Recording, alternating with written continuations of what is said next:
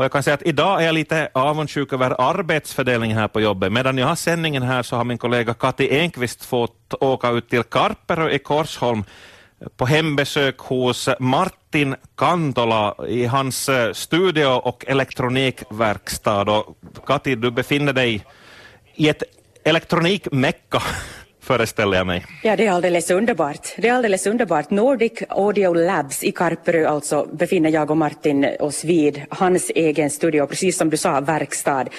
Här finns otroligt mycket tekniska prylar. Eh, fast jag har jobbat på YLE i många år så har jag aldrig sett så här mycket teknik på ett och samma utrymme. Eh, välkommen Martin.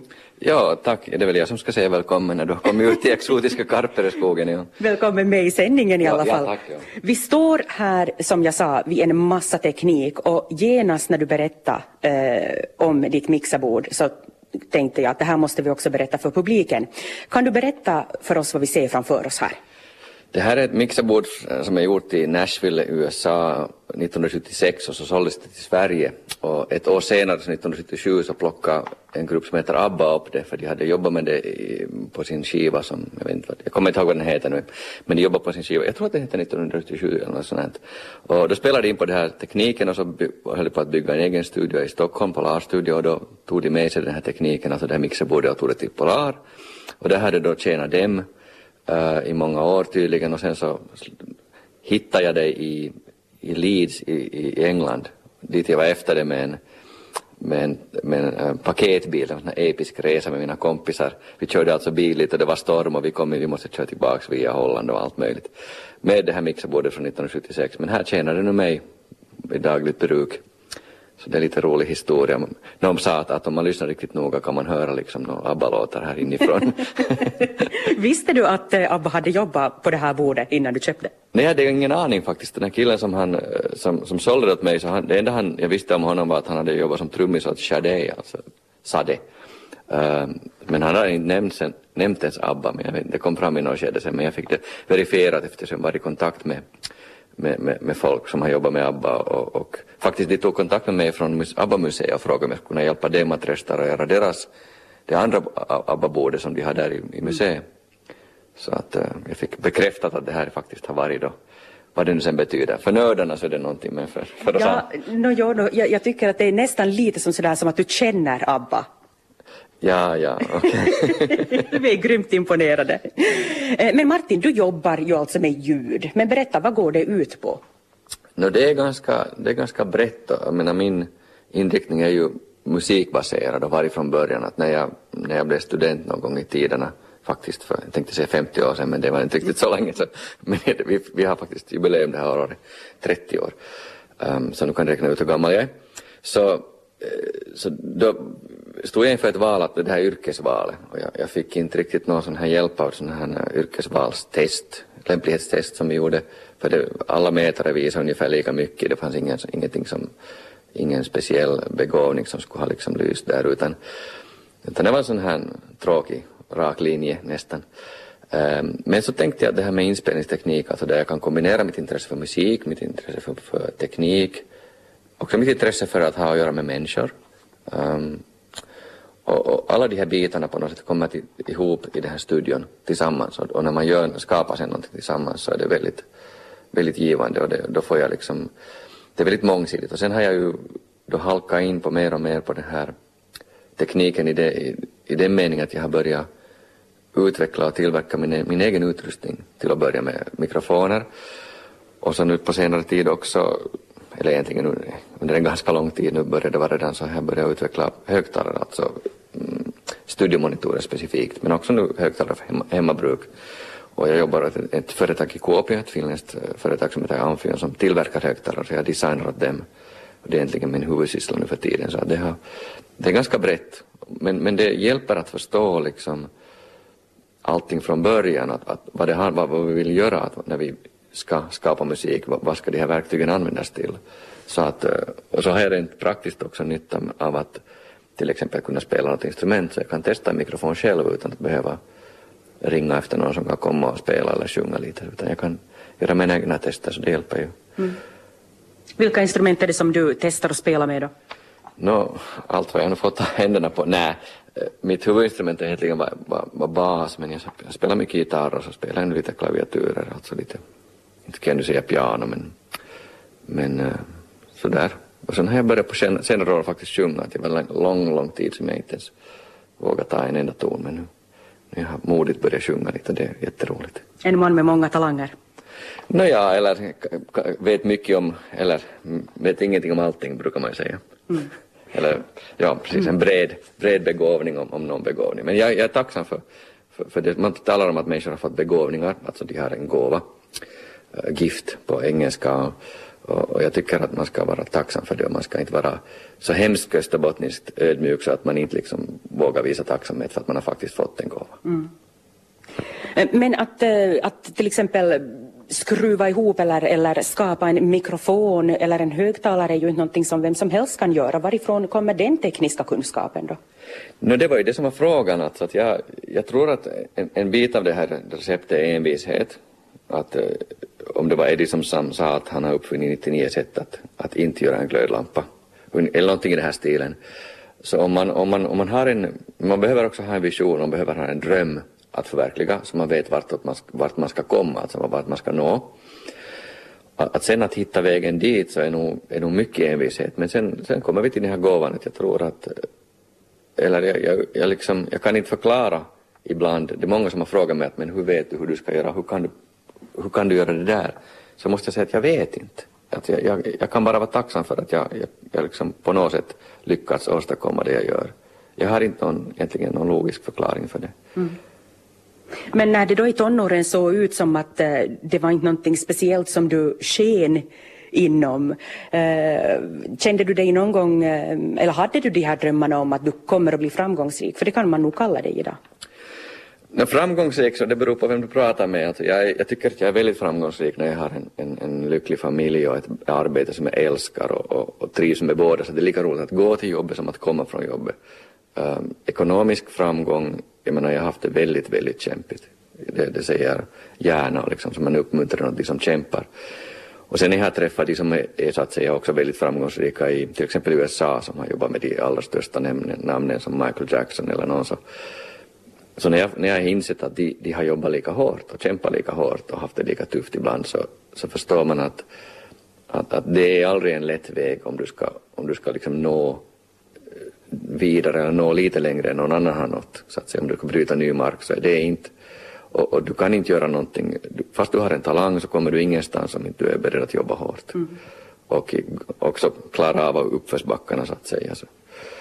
Så, jag kommer inte ihåg vad din fråga var egentligen men där hamnade Nej men det var ett bra svar. När, när du har varit lite nere då och det har varit tufft och det har varit uppförsbackar, vad är det som har sporrat dig då att gå vidare och inte bara ge upp? No, mitt första svar så där skulle vara att, att ibland så, så har man inte så många alternativ. Att det är ju en bra, det är samtidigt en bra morot att hur ska jag få mat för dagen? Jag måste göra en bra mikrofon som jag kan sälja. Jag menar det blir väldigt konkret och det, det är helt okej okay att, att, att, man inte får allting gratis, att det inte kommer liksom serveras. Man skulle kunna bli väldigt lat om man bara skulle få en, en, en check eller ett kuvert med pengar varje morgon och sen här, här, klara dig. Utan, utan det är nog ett, men men sen är, sen är man också väldigt tacksam för de, den respons man får av, av andra, att man märker att, eh, att någon uppskattar det man gör. Någon kan använda det man gör för att sen göra i sin tur någonting. När jag pratade med, det var en kille som ringde i, i morse faktiskt och sa att han, och han tackade mig för att han jobbar med min mikrofon och han får jättebra resultat. Så, så just förrän du kom så ringde en kille från, från Finland och, och sa att han jobbar mycket med min mikrofon i studion. Han, det är lätt för honom att jobba, han får lägga sig bra i mixen, de här sångspåren och allt sånt här. Så. Men sen tror jag också att det finns en tillfredsställelse i att i skapande i sig själv, jag pratar om ett skapande här, att jag tänkte på det att när man, när man har sågat och huggit ved och gjort en snygg stapel så är man nöjd. Man är glad för att man har fått något gjort. Så det, man, det finns en tacksamhet redan i det att man har liksom fått göra någonting. Men, eller baka en kaka menar jag någonting som jag också tycker om att göra.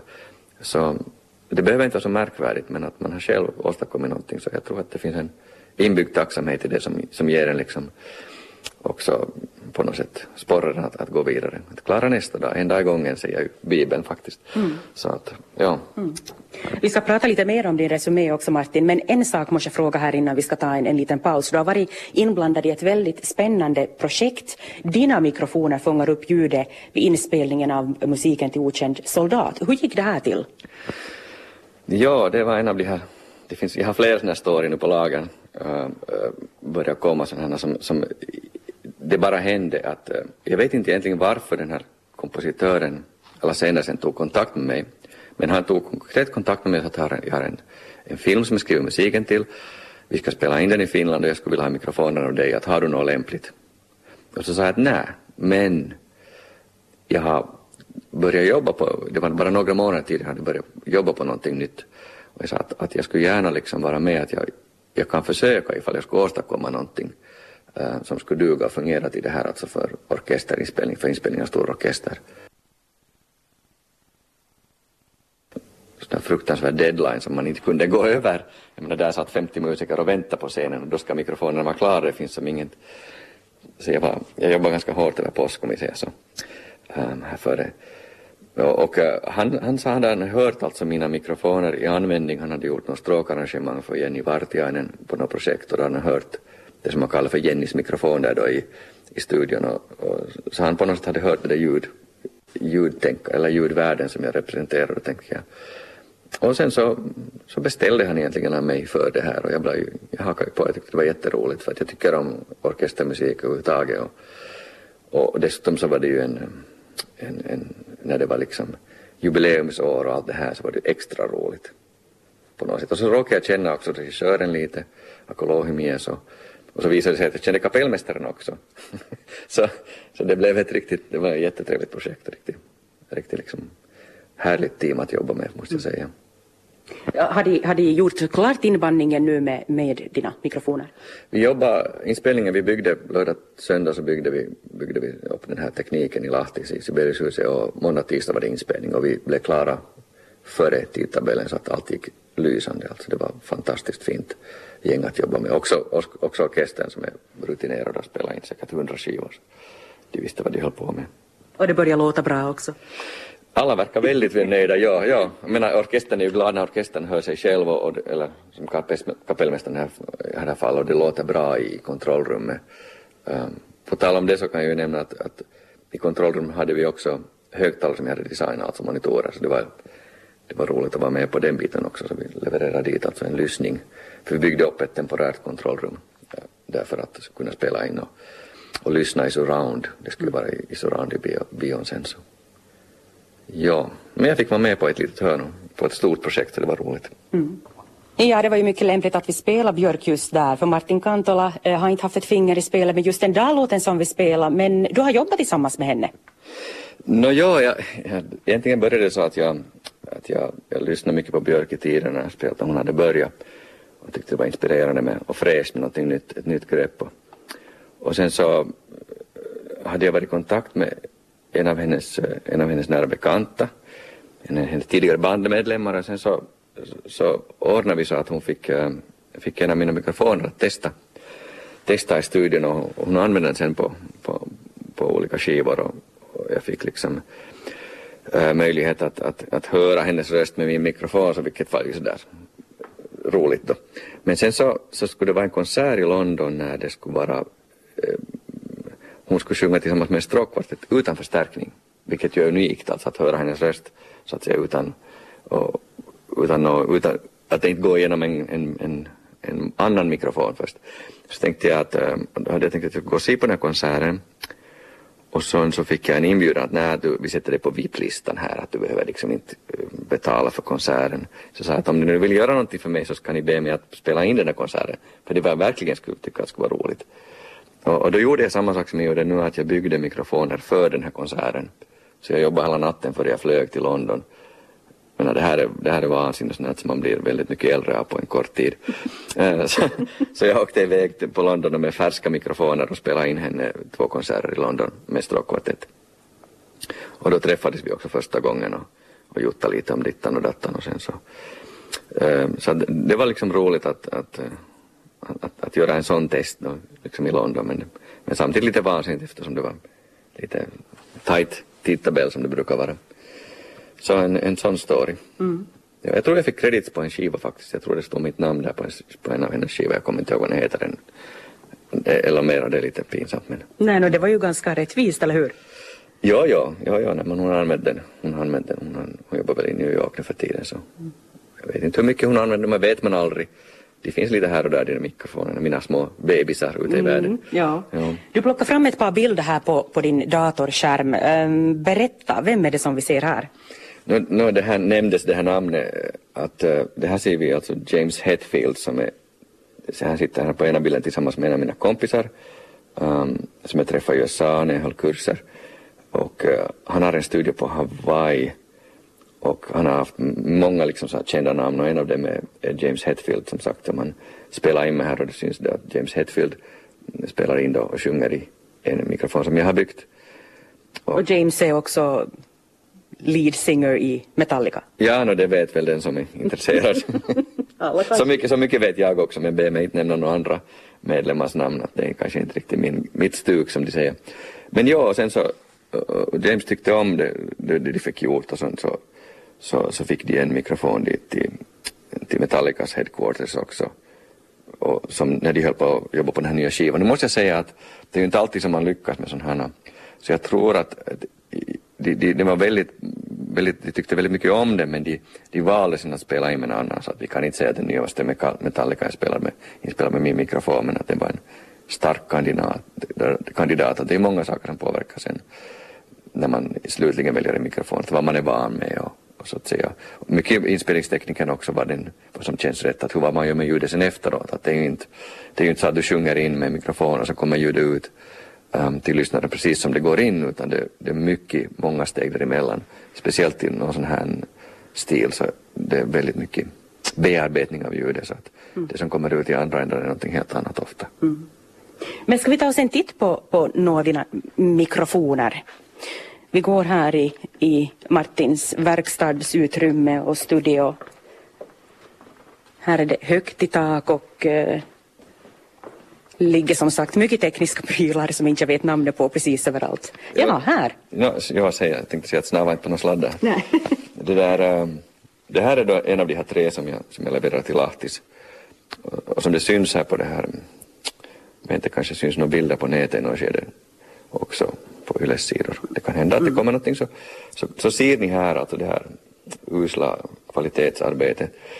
För att jag har sågat det här för hand, den här, den här um, stommen.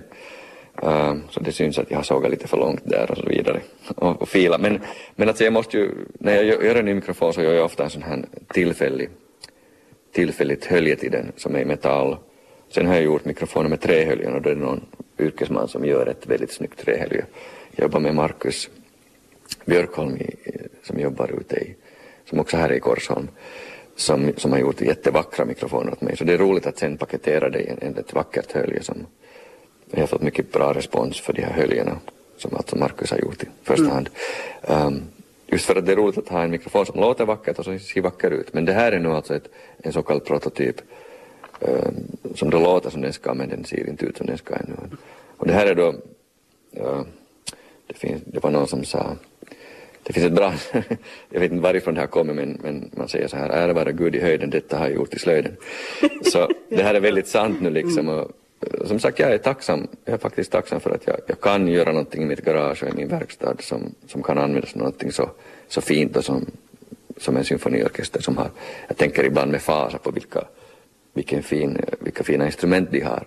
Och deras instrument ska gå igenom mina hemmagjorda mikrofoner så det är lite skrämmande på något sätt men mm men ja, var och en gör sin egen liten bit så jag har stor respekt för instrumentbyggare för att det, vad de gör är alltså egentligen många, många gånger mer komplicerat än det som jag håller på med men, men mitt, mitt specialområde är kanske ganska smalt och det är inte så många som, har, som är intresserade eller så många som har jobbat på det så jag, jag är glad att jag har min lilla nisch så att mm. säga.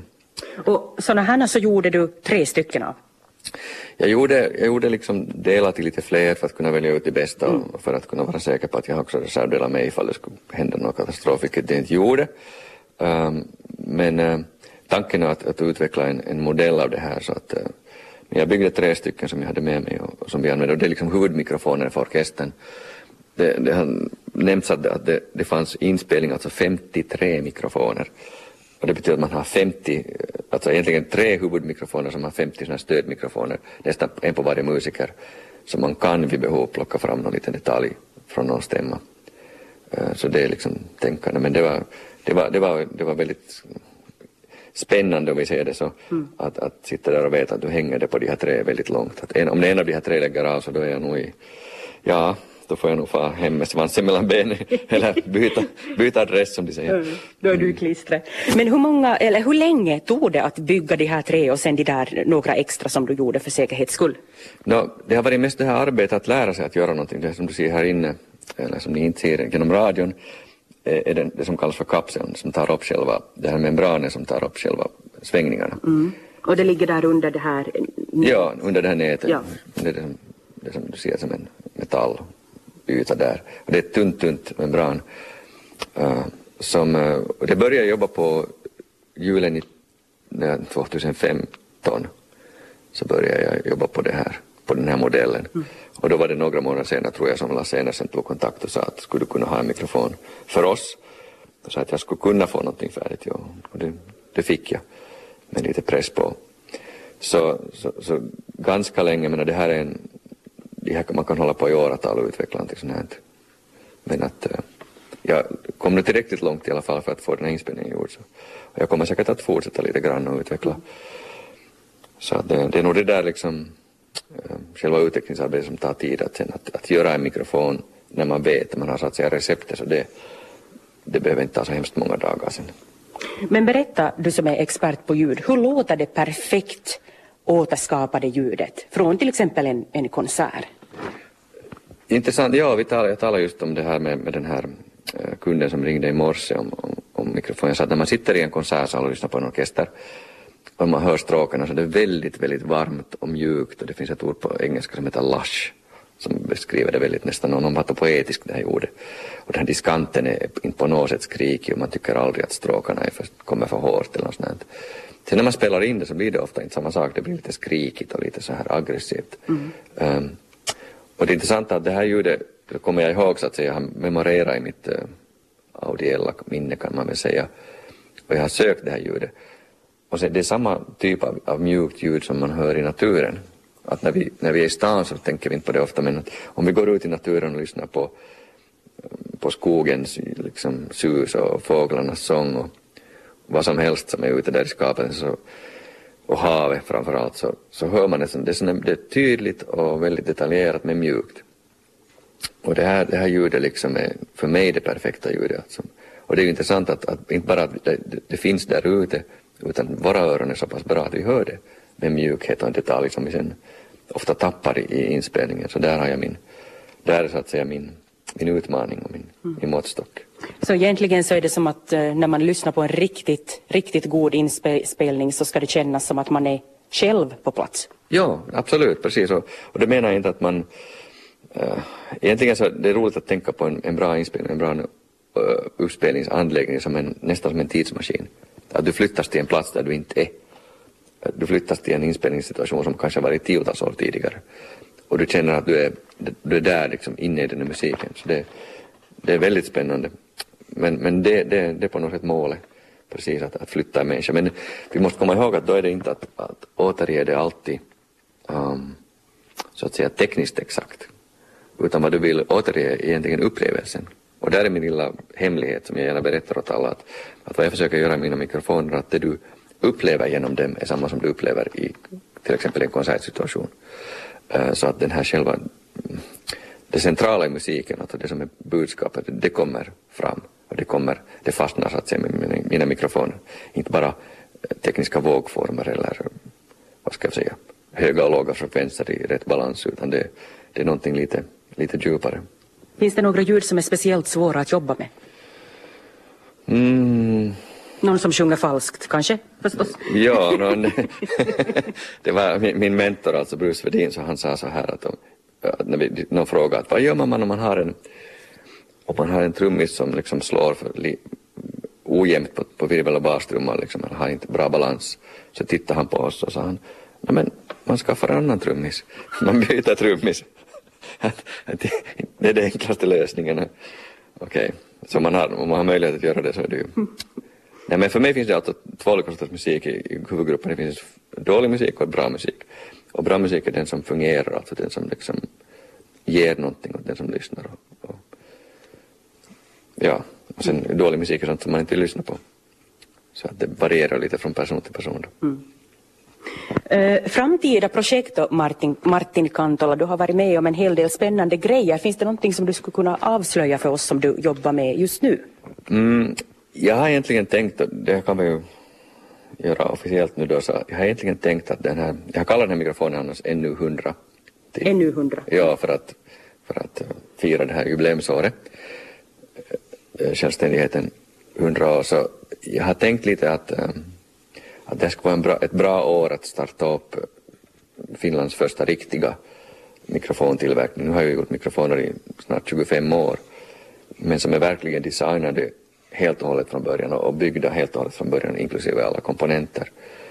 För det har, mig veterligen har inte funnits någon mikrofontillverkning i Finland någonsin av sådana här studiemikrofoner.